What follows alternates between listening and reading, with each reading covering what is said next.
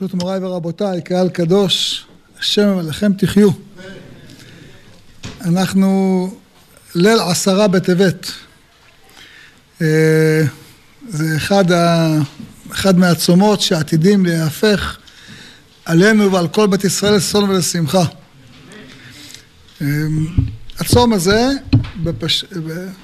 כמו שכתוב, זה צום ש... על המצור של נבוכדנצר על ירושלים.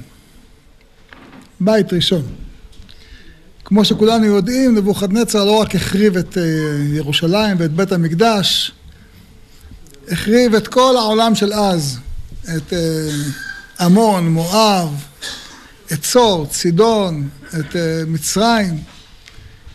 הוא שלט בכיפה, מלך בכיפה. אבל מה הביא אותנו לחורבן הזה? מה הביא אותנו לחורבן? מה היה... אז כתוב, חכמינו אמרו ששלושה דברים קרו אחד אחרי השני. אחד בח' טבת, אחד בט' טבת ואחד בי' בטבת. אה, בח' בטבת תורגמה התורה ליוונית, אה, מה שנקרא תרגום השבעים המפורסם. שבו תולמי המלך מושיב שבעים מזקני ישראל, כל אחד בחדר אחר, אומר לו תתרגל את התורה כדי לראות שהם לא, הם לא מרמים, כן? זה אחד, וזה היה בח' טבת. הגמרא אומרת, במסכת סופרים כתוב, היה היום קשה לישראל כיום שנעשה בו העגל. כך כתוב. כמו העגל. למה? שלא הייתה התורה יכולה להתרגם כל צורכה. שלוחן ערוך כתוב, בסימן תק"פ, שהיה חושך בעולם שלושה ימים, בגלל התרגום הזה. אה, כל אחד זה תיאור אחר של הבעיה. עגל זה משהו אחד, עגל זה סוג של עבודה זרה, נכון? וחושך זה, אנחנו יודעים, כתוב במדרש רבה, תוהו ובוהו וחושך על פני תהום, וחושך זה גלות יוון שהחשיכה את עיניהם של ישראל. זאת אומרת, זה חלק ממה שקרה שם, זה חלק ממה שקרה עם השלטון של היוונים על עם ישראל במשך uh, כמה עשרות שנים, כל הגזרות שלהם. אז זה חלק מהסיפור, וזה באמת פלא. למה זה דבר כל כך חמור? אנחנו יודעים שכשעם ישראל נכנס לארץ, אז הוא נצטווה לכתוב את התורה בהר היטב, בשבעים לשון, ולחקוק אותה בסלע, ולעשות אותה בסיד. אוקיי, פסוקים מפורשים בתורה. אז אם ככה, זאת אומרת, אה, כן חשוב שהתורה תשפיע על כל העולם ברכה. אז מה רע בזה שמתרגמים את התורה ליוונית? להפך, תגיד, ברוך השם, טוב מאוד, ברכה.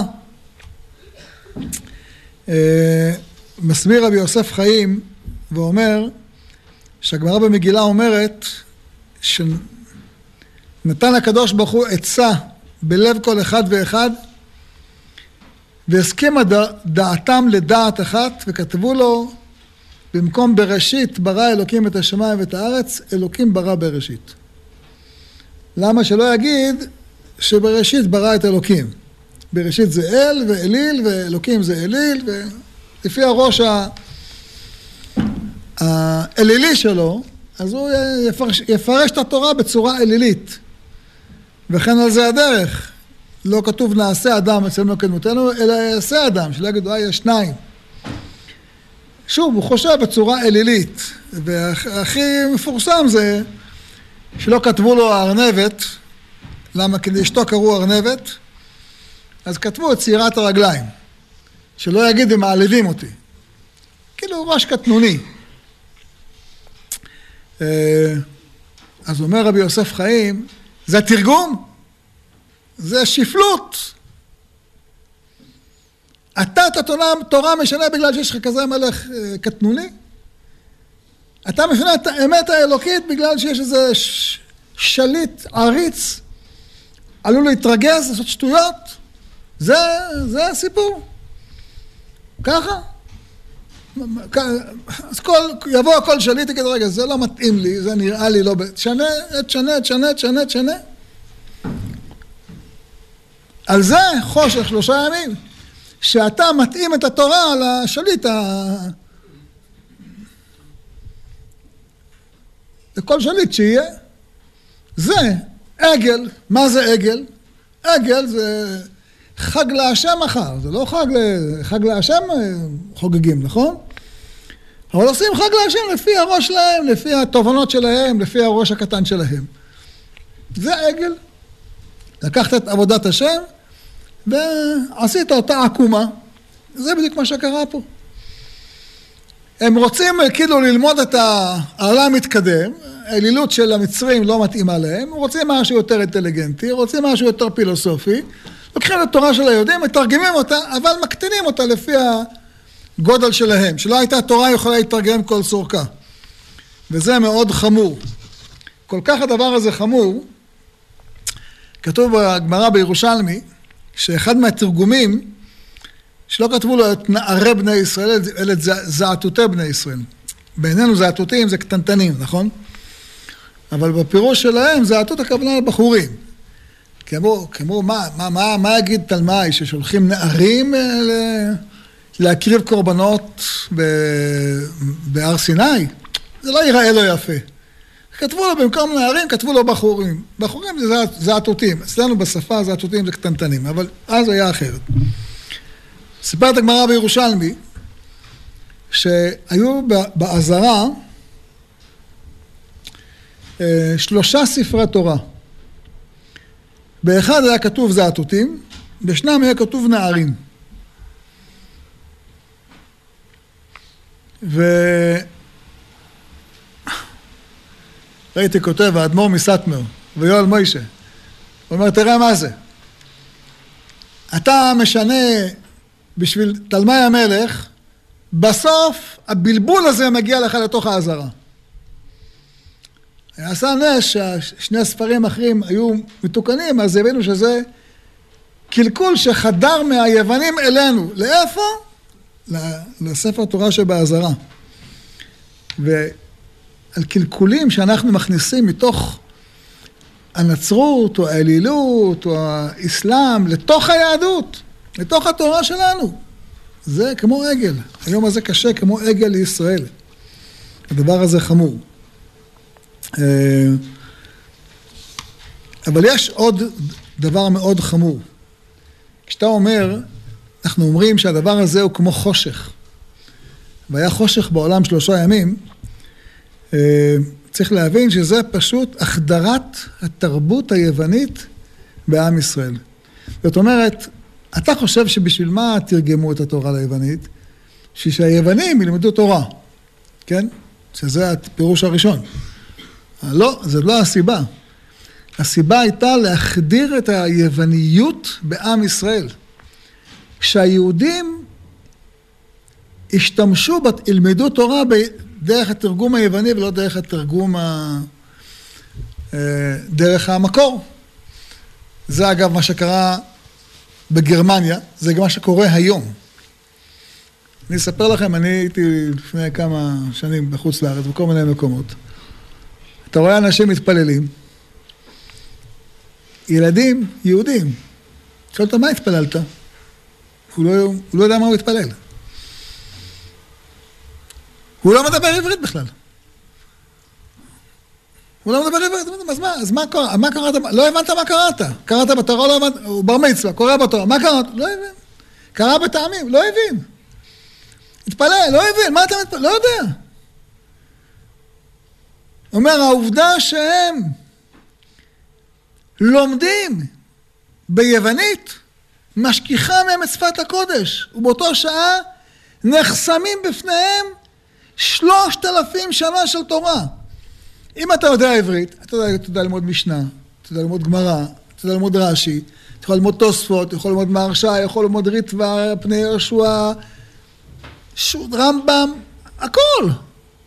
ברטנורה, הכל. יש לך ארון ספרים ענק, שכולו כתוב רק בשפה אחת, בלשון הקודש. אבל אם אתה מלמד את הילד... אנגלית, או יוונית, או צרפתית. הוא לא יודע, הכל נחסם לו. כל התורה הגדולה נחסמת לו. אין לו שום קשר אליה. מאיפה הוא שואב uh, תורה? מהעיתון, ממה שכתבו היוונים, ממה, ש... ממה שכתבו הרומאים, ממה שכתבו האנגלים, מה שכתבו הצרפתים. זה המקור בשבילו, זה חורבן. כי זה, ככה מתאר נחמיה, כשנחמיה מגיע לארץ, שוב, זה הכל בימי בית שני.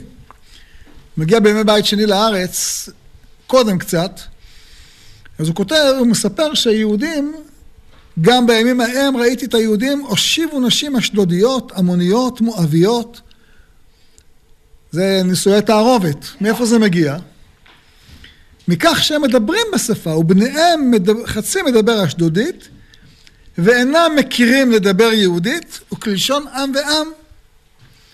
ואז נחמיה מתאר ואומר, ואריבה עמם, ואקללם, ואכה אותם, ואמרתם, ואשביעם באלוהים, אם תיתנו בנותיכם לבניהם, ואם תישאו מבנותיהם לבניכם, ולכם, הלא על אלה חטא שלמה מלך ישראל. והוא גם מספר, מבני יהוידע בן אלישיב הכהן הגדול, חתן לסנבלת אחורני, ואבריחו מעליי. אומר, בלבול השפה הביא הביא גם כן נישואי תערובת. ואני אומר לכם, נדבר בסוף השיעור על מה שקורה בימינו לצערנו, מה שהתחיל לפני כ-200 שנה. לפני 200 שנה התחיל מנדלסון. היה, היה תלמיד חכם גאון, יהודי גאון, כן? אה, תלמיד חכם. החליט שהוא רוצה לעשות טוב לעם ישראל, והוא תרגם את התורה לגרמנית. כן? שכל הגויים יראו את היופי של התורה, שהיהודים אה, ילמדו את התורה בגרמנית, יכירו את השפה, כן? ומה הייתה התוצאה? חכמים אמרו לו, אתה עושה דבר מסוכן. הוא אומר, לא, זה לטובה, כדי כולם ילמדו ויכירו וזה. התוצאה שבסוף הוא נחשב, הוא היה אדם דתי, שומר מצוות, אבל עם כל גאונותו, הוא ראה מאוד, מאוד אה, מצומצם, לא ראה רחוק. מי שכן ראה רחוק היה חתם סופר שהיה בדורו. הוא אמר אתה עושה אסון, אתה לא מבין מה אתה עושה. הוא אומר, אני עושה אסון, אני עושה דבר טוב, אני מתרגם, בזכותי, אנשים לימדו תורה וכולי. התוצאה הייתה שהוא הפך להיות הדגל של כל המשכילים למיניהם, ואחר כך של כל הרפורמים למיניהם.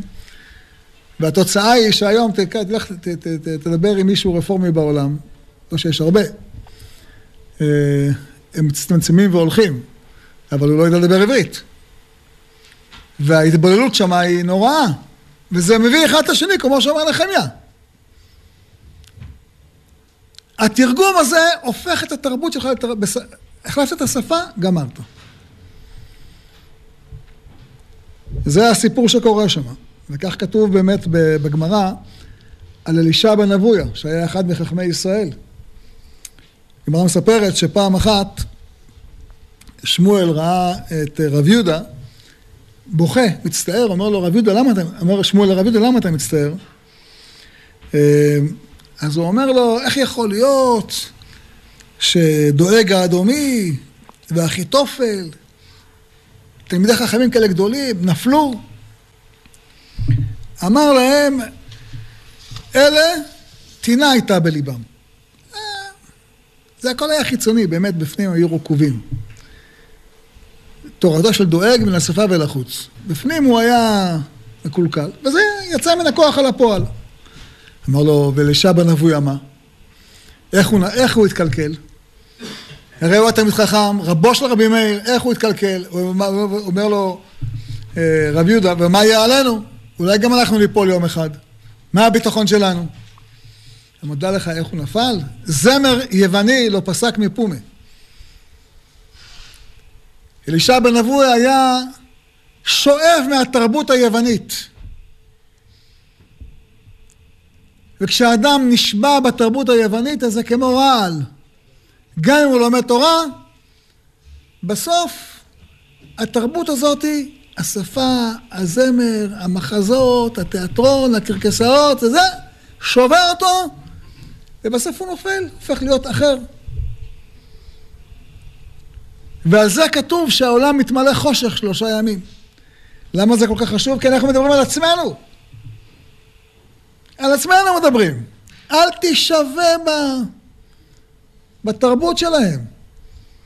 התרבות, השפה, התיאטרון, המחזות, הזמה, הזמר שלהם, הוא שובר אותך, בסוף אתה לא שם לב, אתה פתאום הופך להיות חלק מהם. זה מה שקורה לרפורמים היום. היום הרפורמים, 80 אחוז מאלה שהתחנכו בחינוך רפורמי, 80 אחוז. זה הסקר של ה-PU, אה, ארגון הסקרים הגדול ביותר בעולם ב-2013 למניינם, זאת אומרת לפני עשר שנים כמעט. 80 אחוז מאלה שהתחנכו בחינוך רפורמי, מתחתנים עם גויות. והכל מתחיל בתרגום התורה לגרמנית. אהיה אדם, אהיה יהודי באוהליך ואדם בצאתך. תתנהג כמו, כמו, כמו כולם. זה בדורנו, דורנו. בדורנו זה. בדורנו זה יש בארצות הברית 600 אלף ישראלים. רובם הגדול מחנכים את הילדים שלהם בבתי הספר של הגויים. בשפה של הגויים, בחגים של הגויים, בקריסטים שלהם, ב... ב... ב... מה זה משנה, אנחנו הרי יהודים, מה זה קורה, מה זה משנה? בבית אני אשאיר איתו אבא נגילה. ברגע שאתה מחנך אותו בתרבות שלהם, אתה תגיע בסוף להתבוללות באותם אחוזים שיש בארצות הברית. בדיוק מה שאומר נחמיה, מדברים בשפה האשדודית, מתחתנים עם אשדודיות. מדברים בשפה גרמנית, אותם תלמידים של מנדלסון, אותם תלמידים, מה קרה לו? ארבע מהילדים שלו, ארבע מתוך שש התנצרו. הבת שלו התנצרה פעמיים. פעם אחת להיות פרוטסטנטית, פעם אחת להיות קתולית. וכל פעם הוא מתחיל? מזה שלשם שמיים הוא תרגם את התורה לגרמנית. בוא נהיה כמו כולם, בוא נהיה נחמדים, בוא נראה כמו כולם, בוא נתלבש כמו כולם, בוא נעשה בית כנסת כמו כולם. בוא נעשה כמו, בוא נראה כמו כולם. מה נראה כמו כולם? חורבן. על זה אומרת הגמרא, בת על מאי ורוצה לבולל את עם ישראל. רוצה לה, לה, לה, לה, להפוך אותם למתייוונים. איך יעשו אותם מתייוונים? הוא חכם, הוא פיקח. מתרגם את התורה ליוונית. ילמדו בבתי הספר שלהם, במקום ללמוד את התורה בעברית, ילמדו את התורה ביוונית. כמובן, כשאתה לומד את התורה ביוונית, אתה... אין לך רש"י ואין לך תוספות, יש לך מפרשים יוונים. וככה אתה מחדיר את התרבות שלך לעם היהודי, והתוצאה, אנחנו כולנו יודעים מה קרה. איך הגענו למפולת ש... מתתיהו ובניו מצילים אותנו ממנה. אבל איך, איך, איך, איך נפלנו לשם? עם, עם השפה. וזה נגוע לכל אחד מאיתנו. איזה תרבות אתה צורך? איזה טלוויזיה יש לך בבית? איזה עיתון אתה קורא? זה מה שחשוב. לאיזה הצגות אתה הולך?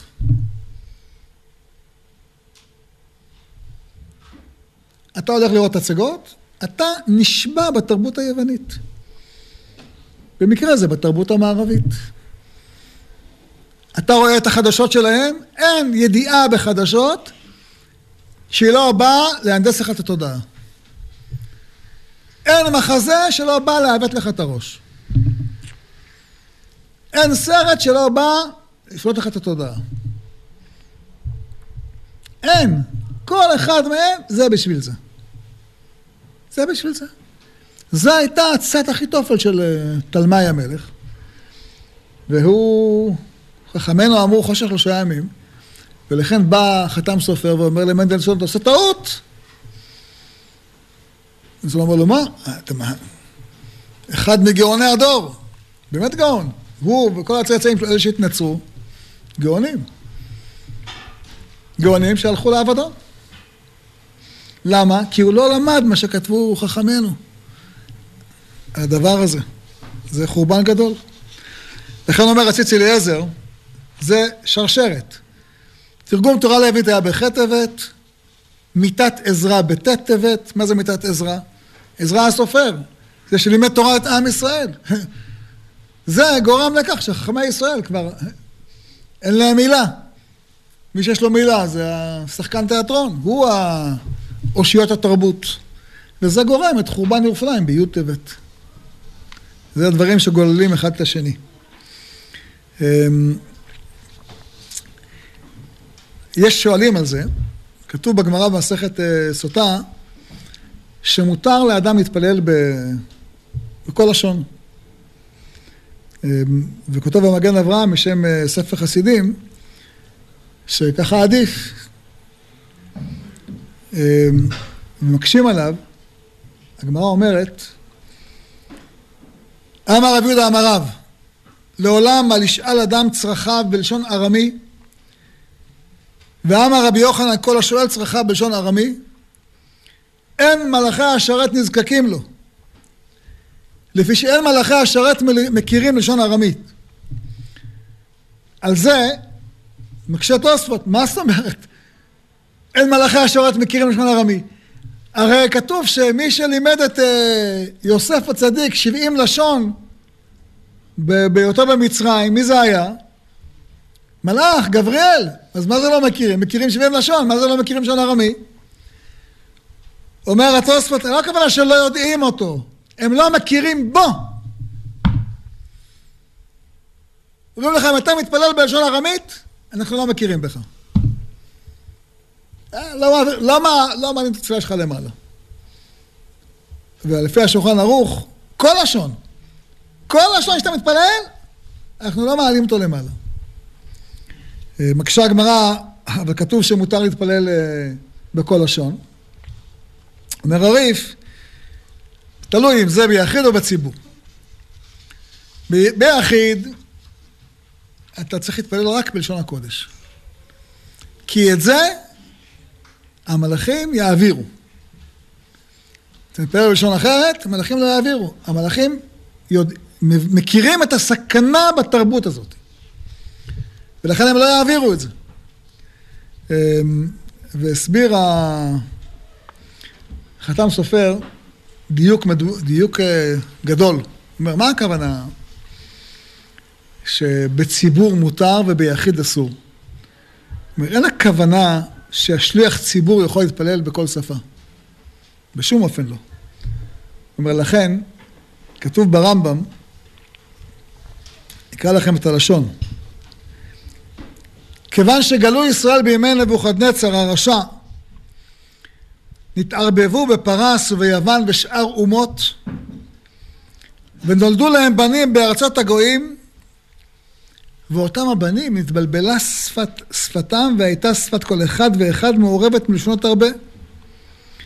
וכיוון שהיה מדבר, אינו יכול לדבר כל צורכו בלשון אחת, אלא בשיבוש. ומביא את הפסוק, בניהם חצי מדבר אשדודית, ואינם מכירים לדבר יהודית, כלשון עם ועם. ומפני שכבר היה אחד מהם מתפלל, תקצר לשונו לשאול, או להגיד שבח הקדוש ברוך הוא בלשון הקודש, עד שיערבבו איתו לשונות אחרות. לכן באו עזרא ובית דינו, מה שנקרא אנשי הכנסת הגדולה, והתקינו להם שמונה עשרה ברכות על הסדר. אה, שלוש ראשונות, שלוש אחרונות, ושאלת הדברים, כדי שיהיו ערוכות בפי הכל וילמדו אותם, ותהיה תפילת אלו העילגים, תפילה שלמה כתפילת בעלי הלשון הצחה. מפני עניין זה תקנו כל הברכות היפות מסודרות בפי כל ישראל, כדי שיהיה העניין כל ברכה ערוך בפי העילג. אומר, אתה רואה שהרמב"ם כותב שכל מה שתקנו את התפילה שאנחנו מתפללים היום, 18 ברכות, תקנו אותה בשביל מי? דווקא בשביל אלה שלא יודעים. דווקא בשבילהם. אז הוא אומר, מתי מותר לאדם להתפלל בשפה אחרת? אם השליח ציבור מתפלל בלשון הקודש, ואתה לא מבין כלום, אז אתה יכול לומר בשפה אחרת כשהוא מתפלל בלשון הקודש, כי אז זה נבלע בתוך התפילה הכוללת וזה עובר. אבל אם הוא עצמו השליח ציבור, לא יכול אף פעם להתפלל בלשון, בלשון אחרת. הוא חייב לדבר בלשון הקודש. חייב להתפלל בלשון הקודש. אה, ולכן, אומר החתם סופר, וככה מביא את זה גם משני הלכות, כל מה שהתירו בציבור זה רק אדם פרטי כשנמצא בבית כנסת. אבל אם אדם פרטי בבית שלו, הוא חייב לעשות כל מאמץ להתפלל רק בלשון הקודש, כדי שחלילה לא ייפלו בתרבות של גויים. למה הדבר הזה מאוד משמעותי? אומר המשנה ברורה, חי לפני מאה שנה. אה, שתפילה היא רק בלשון הקודש. לאפוקיה מכיתות חדשות שהתפרצו מחוץ למדינה בזה, והעתיקו כל נוסח התפילה ללשונות העמים, אומר, ומה קרה להם?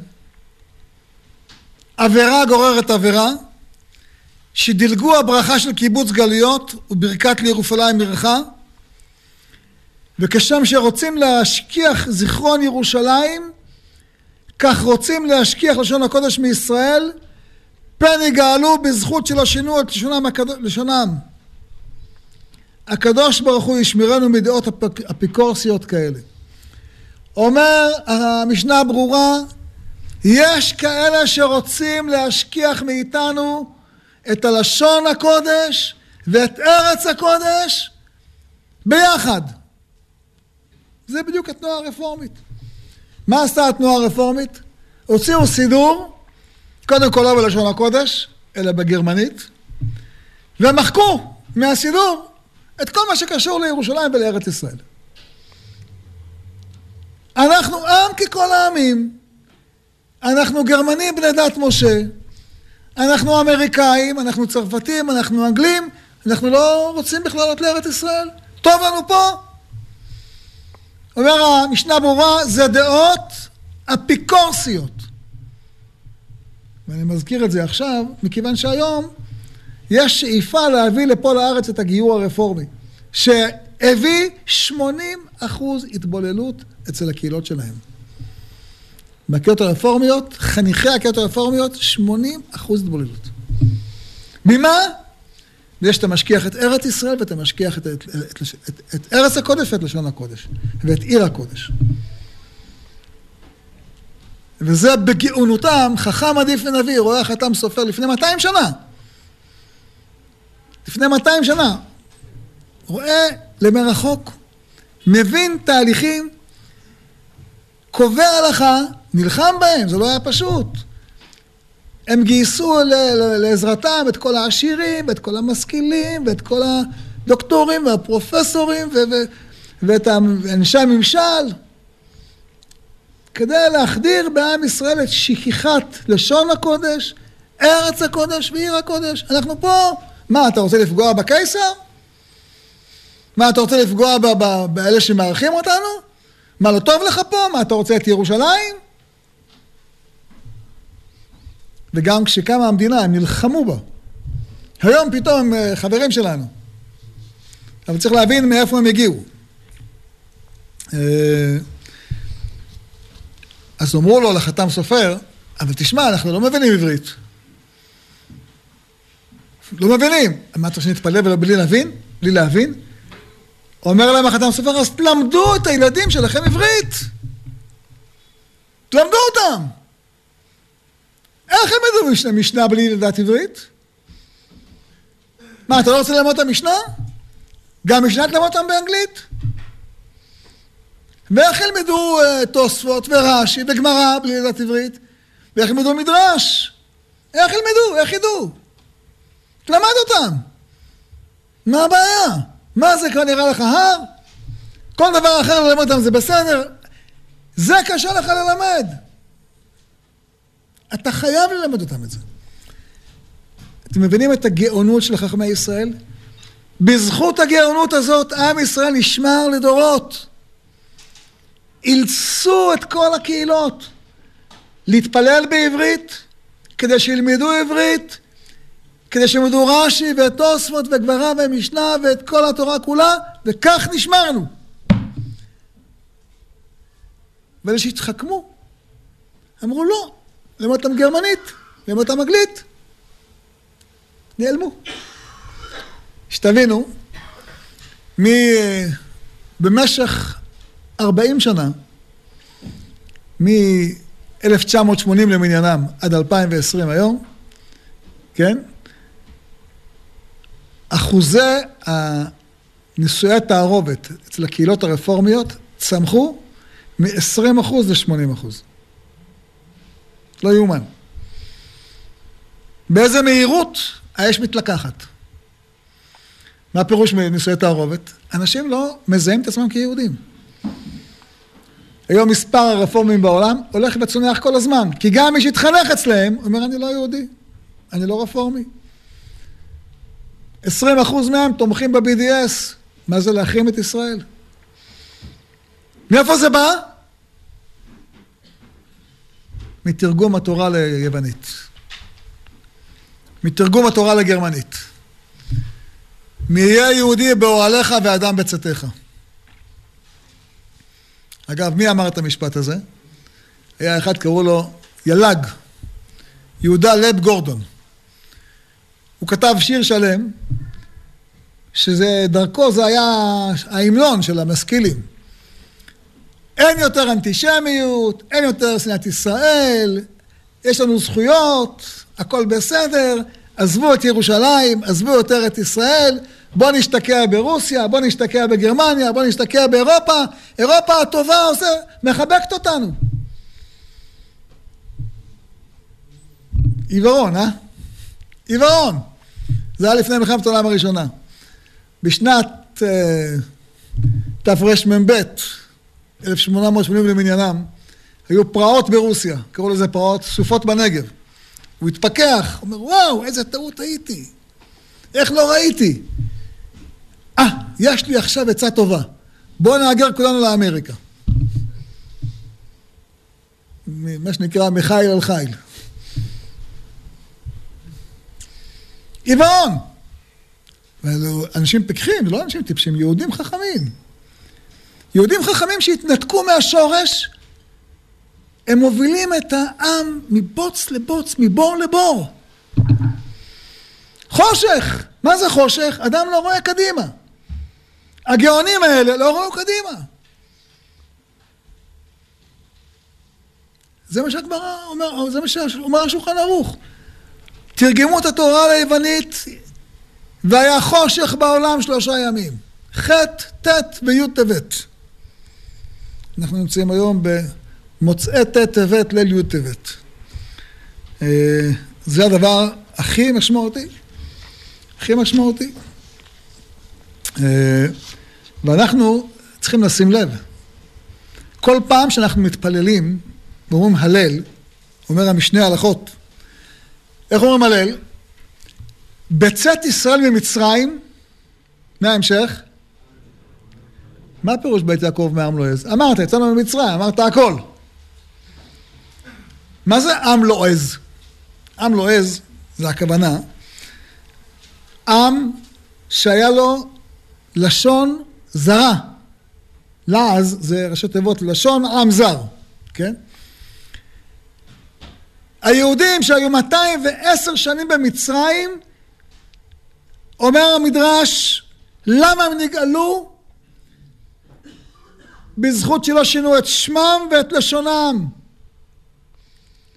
ותמיד המצרים בשבילם זה שפה זרה. מצרית זה לא השפה שלנו.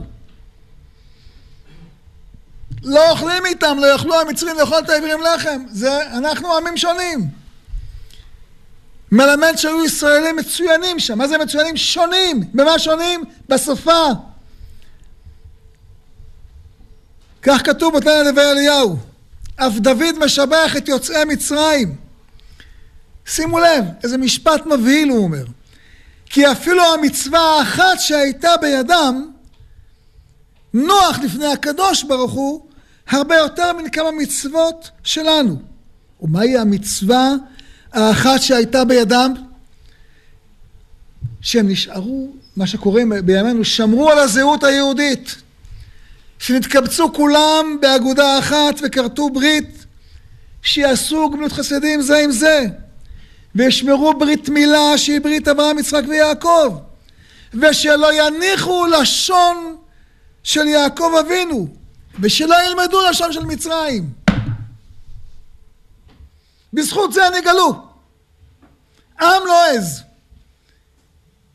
אם היית לומד את השפה שלהם, התערבבת איתם, התחתנת איתם, גמרנו.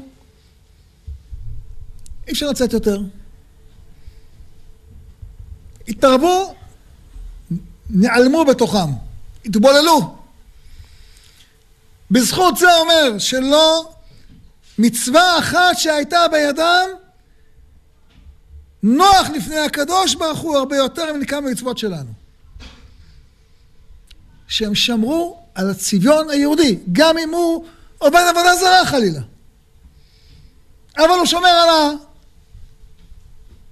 השפה, על הלבוש, על השם.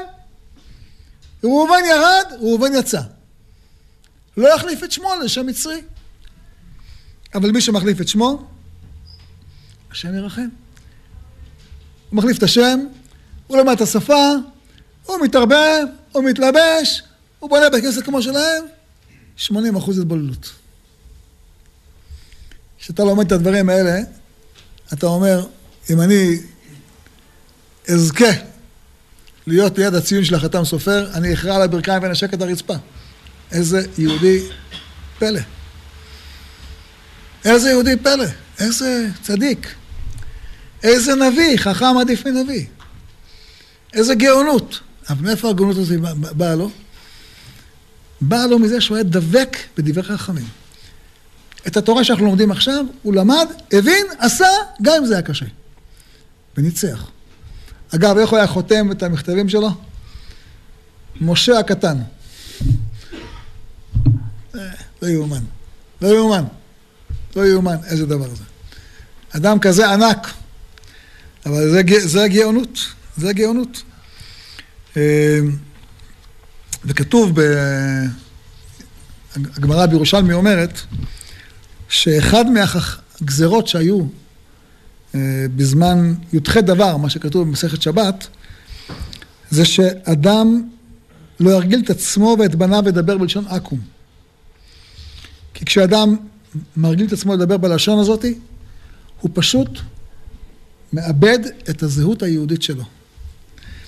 אה, אני רוצה לקרוא לכם איזה דבר ממש מבהיל.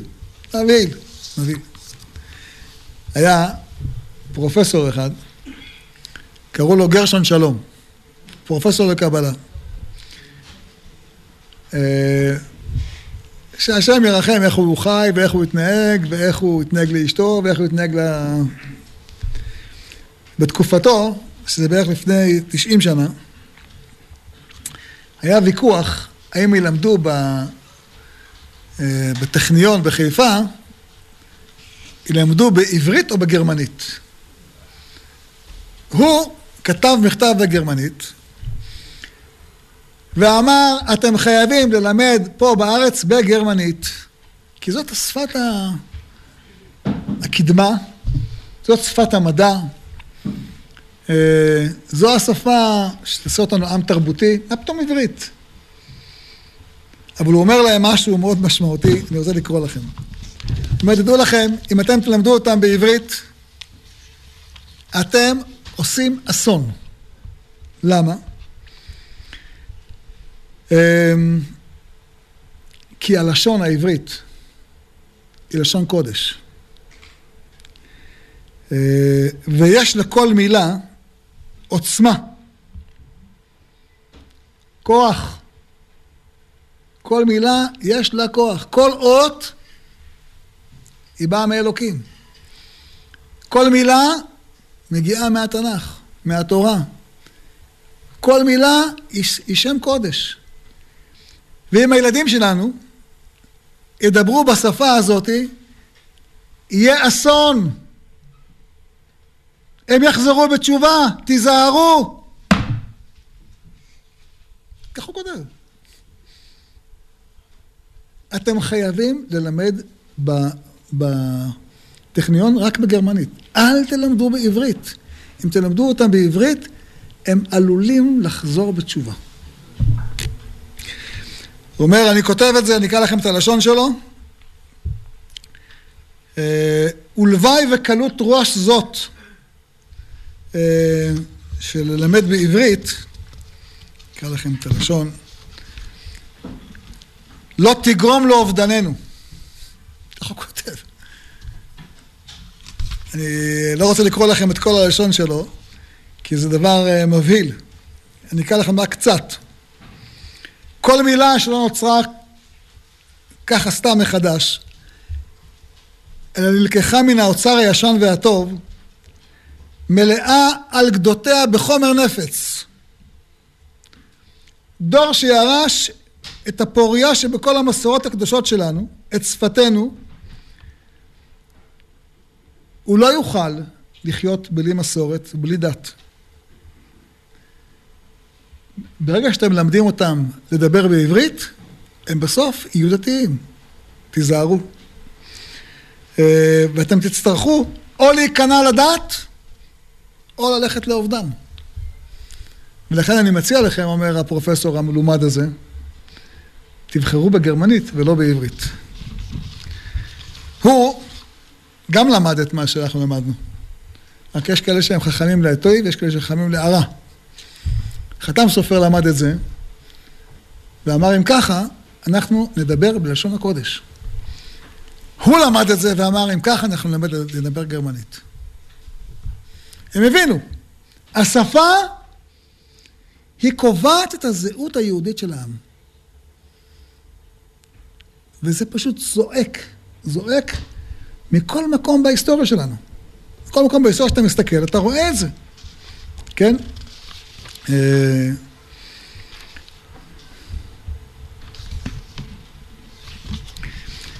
יש עוד טעם לכך שאנחנו, מתפעל, שאנחנו מתפעלים דווקא בלשון הקודש ולא בשפה זרה.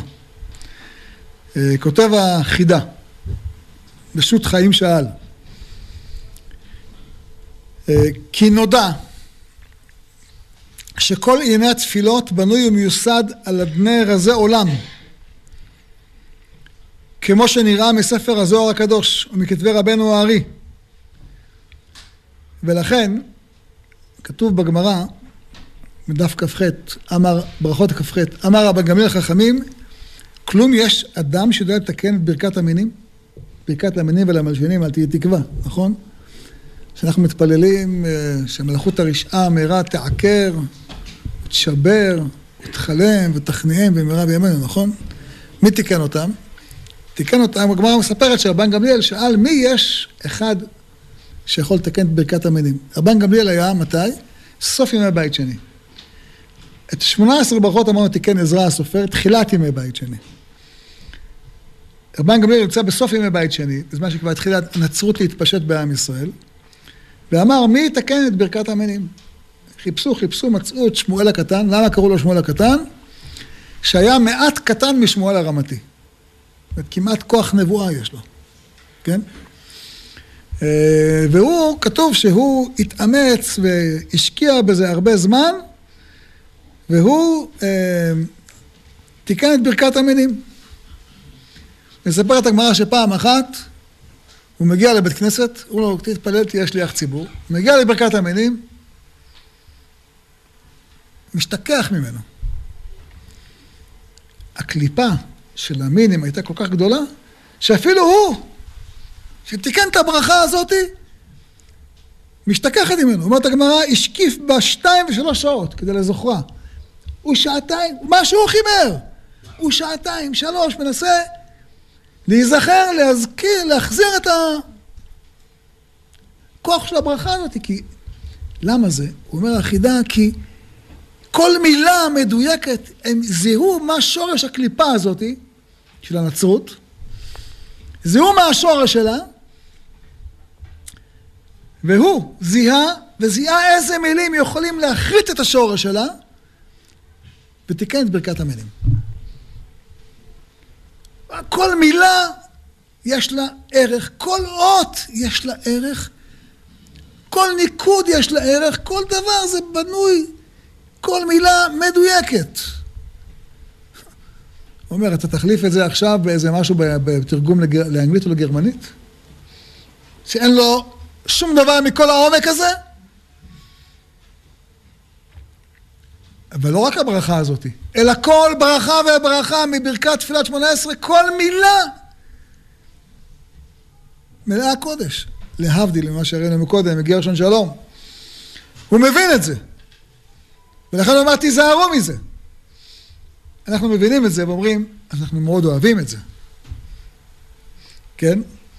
אמ, אותו דבר כותב אה, פני יהושע. פני יהושע היה הרב פולק, הוא היה באותה תקופה בגרמניה, אה, והוא כותב שכל מילה, הטור מסביר כל ברכה מברכות שמונה עשרה, יש לה מספר מילים מדויק.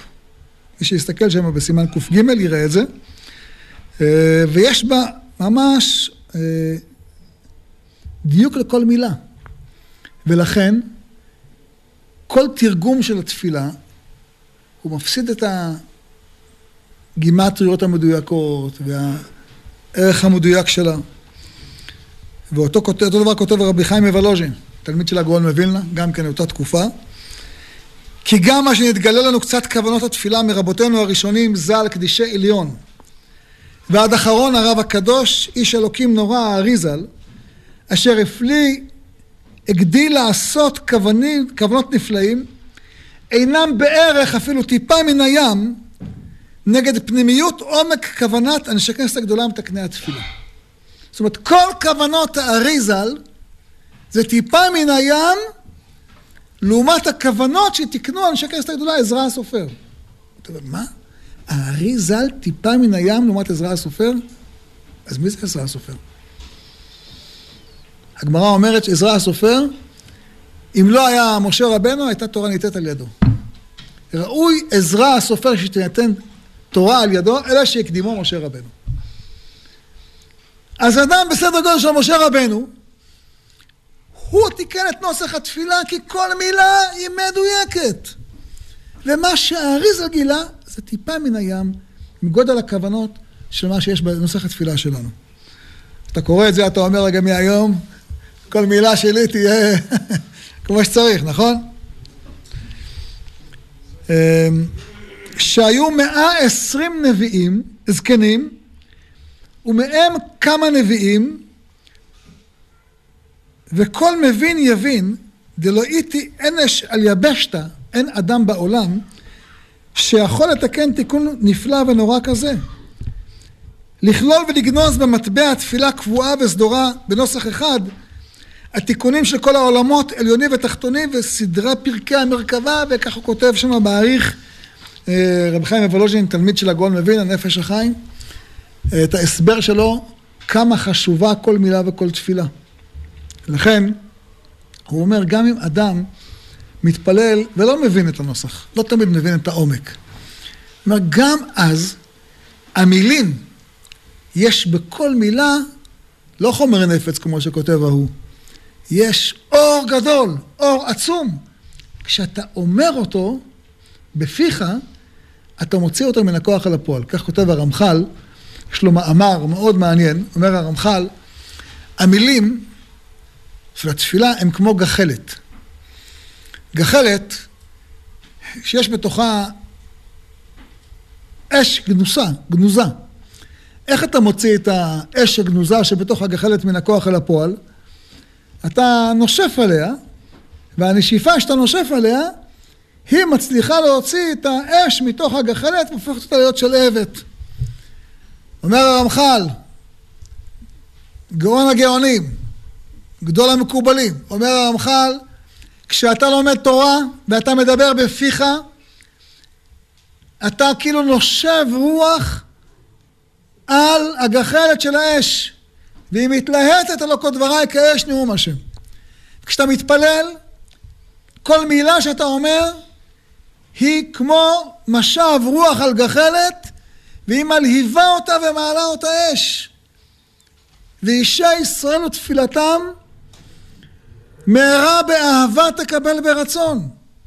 אומר, מתי האש מתקיימת? כאשר אתה מתפלל בפיך ואתה אומר את המילים ולא במחשבה לבד. למרות שגם המחשבה חשובה, אבל עיקר תפילה שפתי הנאות. זה עיקר תפילה. אדם לא יכול להתפלל בעיניים. נכון, הוא צריך את מחשבת הלב, את כוונת הלב, בוודאי זה ערך עצום. אבל כוונת הלב וערך הלב בא רק אחרי שאדם מוציא את המילים בפיו. ואיזה מילים? אותם מילים קודש שתיקנו אותם אנשי עזרא, עזרא ובית דינו, אנשי כנסת הגדולה.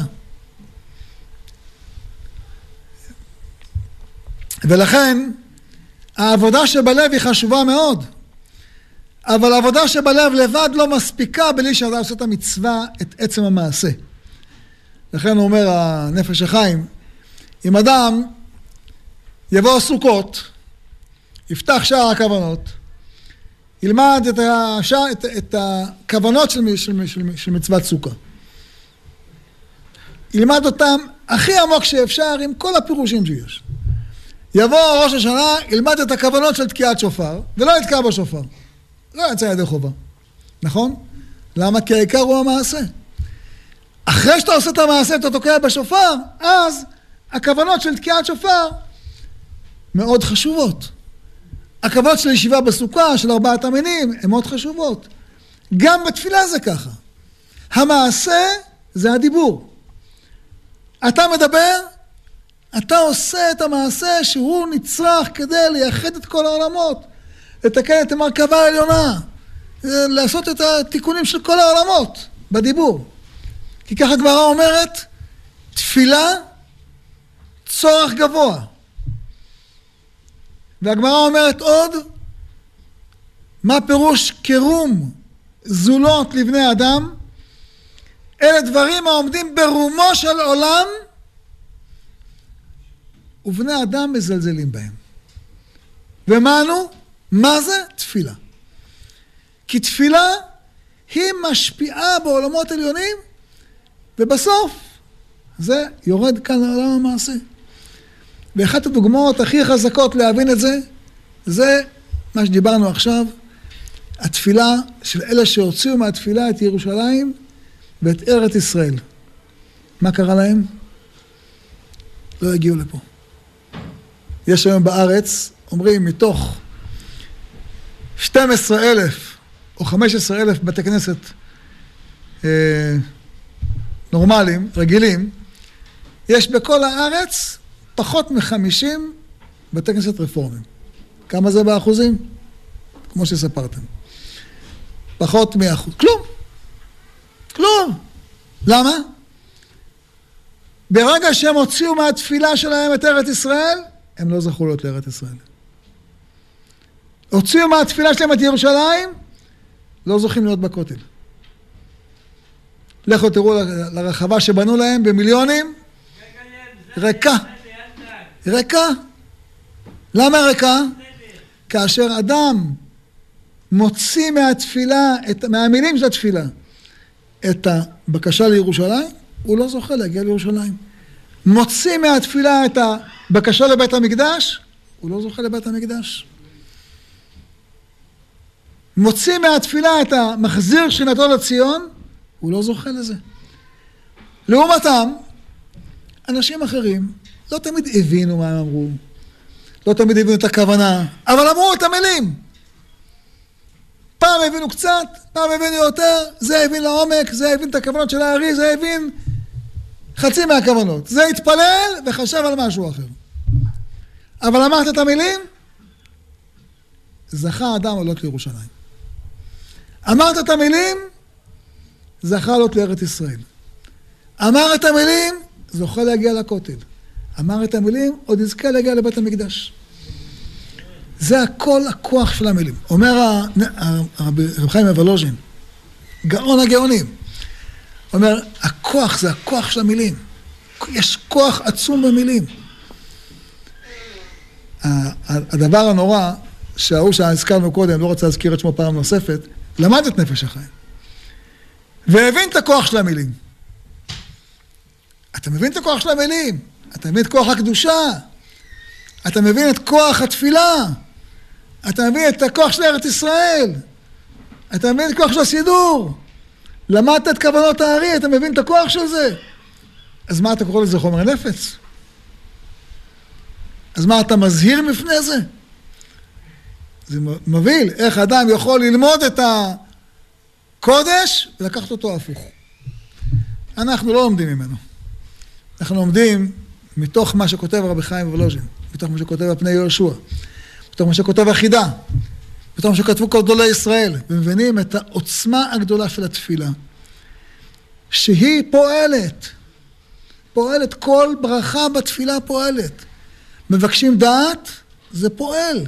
עם ישראל, ברוך השם, עם חכם. זה עובד. זה עובד. מבקשים תשובה, ברוך השם, עם ישראל חוזר בתשובה. המילים עובדות. אתה מבקש רפואה, ברוך השם, עם ישראל יש לו אריכות ימים. המילים עובדות. יותר מכל עם אחר בעולם. אתה מבקש קיבוץ גלויות, זה קורה. אתה מבקש למניב ולמלשינים אל תהיה תקווה, זה גם קורה. ברוך השם זה קורה. אתה רואה מה קורה לסורים, לירדנים, ללבנונים, לטורקים, לאיראנים, לעיראקים, אתה רואה שזה קורה. יש כוח למילים. יש כוח למילים, זה מה שאומר נפש, נפש החיים, והכוח הוא כוח מאוד עוצמתי. נסיים בעוד איזה אה, נושא מאוד, מש, מאוד משמעותי. אה, יש תשובה של הרב פעלים, גאון עזרנו ותפארתנו, בעל הבן איש חי. מישהו שאל אותו, האם לתרגם את ההידרה ללשון קודש. אמר לו, בוא ניקח, אמר לו, מה, אתה מבין את ההידרה שאתה יכול לתרגם אותה? מבין אותה? אה, והוא כותב לו שהדבר הזה מאוד מאוד מסוכן. מאוד מסוכן. הוא אומר, זה כמו שאחד תרגם את שיר השירים לערבית. הוא אומר, מה, מה תרגם? תרגם את, את, את המשל, מה הנמשל. אומר, זה נשמע השם ירחם, זה, זה, זה נראה כמו דבר שאסור לקרוא אותו. הוא אומר, אותו, דבר, יש כאלה שלקחו את uh, דברי חז"ל, סיפורי חז"ל, והוציאו מהם את הנשמה. לקחו אותם רק בחיצוניות שלהם. יש תשובה שלמה שהוא כותב ביורדיה, סימן נ"ו, כמה מסוכן לזה לתרגם את הזוהר אה, מילה במילה. כשאתה מתרגם אותו מילה במילה, אתה מוציא את כל הנשמה שלו. מי שכתב אותו, כל מילה, כתוב על הרבי שמעון בר יוחאי, שהוא ידע, היה לו גאונות להלביש את הסודות הכי עליונים במילים הכי פשוטות. ובאופן שבו הוא כתב את זה. אז הוא כתב את זה בהסתר שבהסתר, שיכול להישמר לאלפי שנים, ויכול אה, להיות מובן רק למי שזכאי לו. ולא כל אחד מסוגל, וכתוב בזוהר בתחילת האידרא, שכשרבי שמעון כתב את הזוהר, כל מלאכי מעלה באו לעזור לו. וכל השמות, וכל הכינויים, וכל התנאים, וכל האמוראים, הם באו לעזור לכתוב את המילים של הזוהר, ואת המילים של האידרא, ואת ה... יבוא בן אדם, הבין קצת, תרגם לפי ההבנה שלו. מה עשית? לקחת את הדבר הכי עליון וקדוש, הפכת אותו ל... מעין מה שקרה בתרגום התורה ליוונית. אנחנו לומדים את הדברים האלה לא רק בשביל ללמוד מה שהיה טעות בימי קדם, אלא כדי לתקן בימינו. כדי שאדם ייזהר ויבין איך להינצל מהתרבויות שיש היום, שהן מנסות לסחוף אותו ולקרר אותו ולפורר אותו, כמו שחלילה קרה לאלישע בן אבויה, כמו שקרה לאותו דור של אה, בני ישראל שלמדו את התרבות היוונית, כמו שקרה לו עלינו למשכילים ולרפורמים, איך שהם התפשטו לאט לאט מכל הקדושה, מכל הטהרה, מכל הזהות היהודית. ונטמעו ונאבדו בין הגויים. כדי שגם חלילה לא יקרה לנו, כי גם היום מנסים את זה לעשות. אדם צריך לשמור על ביתו, שיהיה לו רק, רק תרבות קודש. במקום ללמד אותם שייקספיר, ללמד אותם כל עשו חכמינו. במקום ללמד אותם אה, אה, שיראו טלוויזיה, השם ירחם, כל מיני דברים שאסור לראות אותם, שילמדו דף יומי, שילמדו שניים מקרא ואחרי תרגום, שילכו לשיעור תורה, במקום שילכו למשחקי כדורגל, תרבות שבאה מיוון, מאבקים, ילכו למקום של קדושה. זה מה שאדם צריך להגיד לעצמו, רק תרבות קודש. יהי רצון שיבנה בית המקדש במהרה בימינו אמן. רבי חניה בן הקשה אומר, רצה הקדוש ברוך הוא לכל ישראל.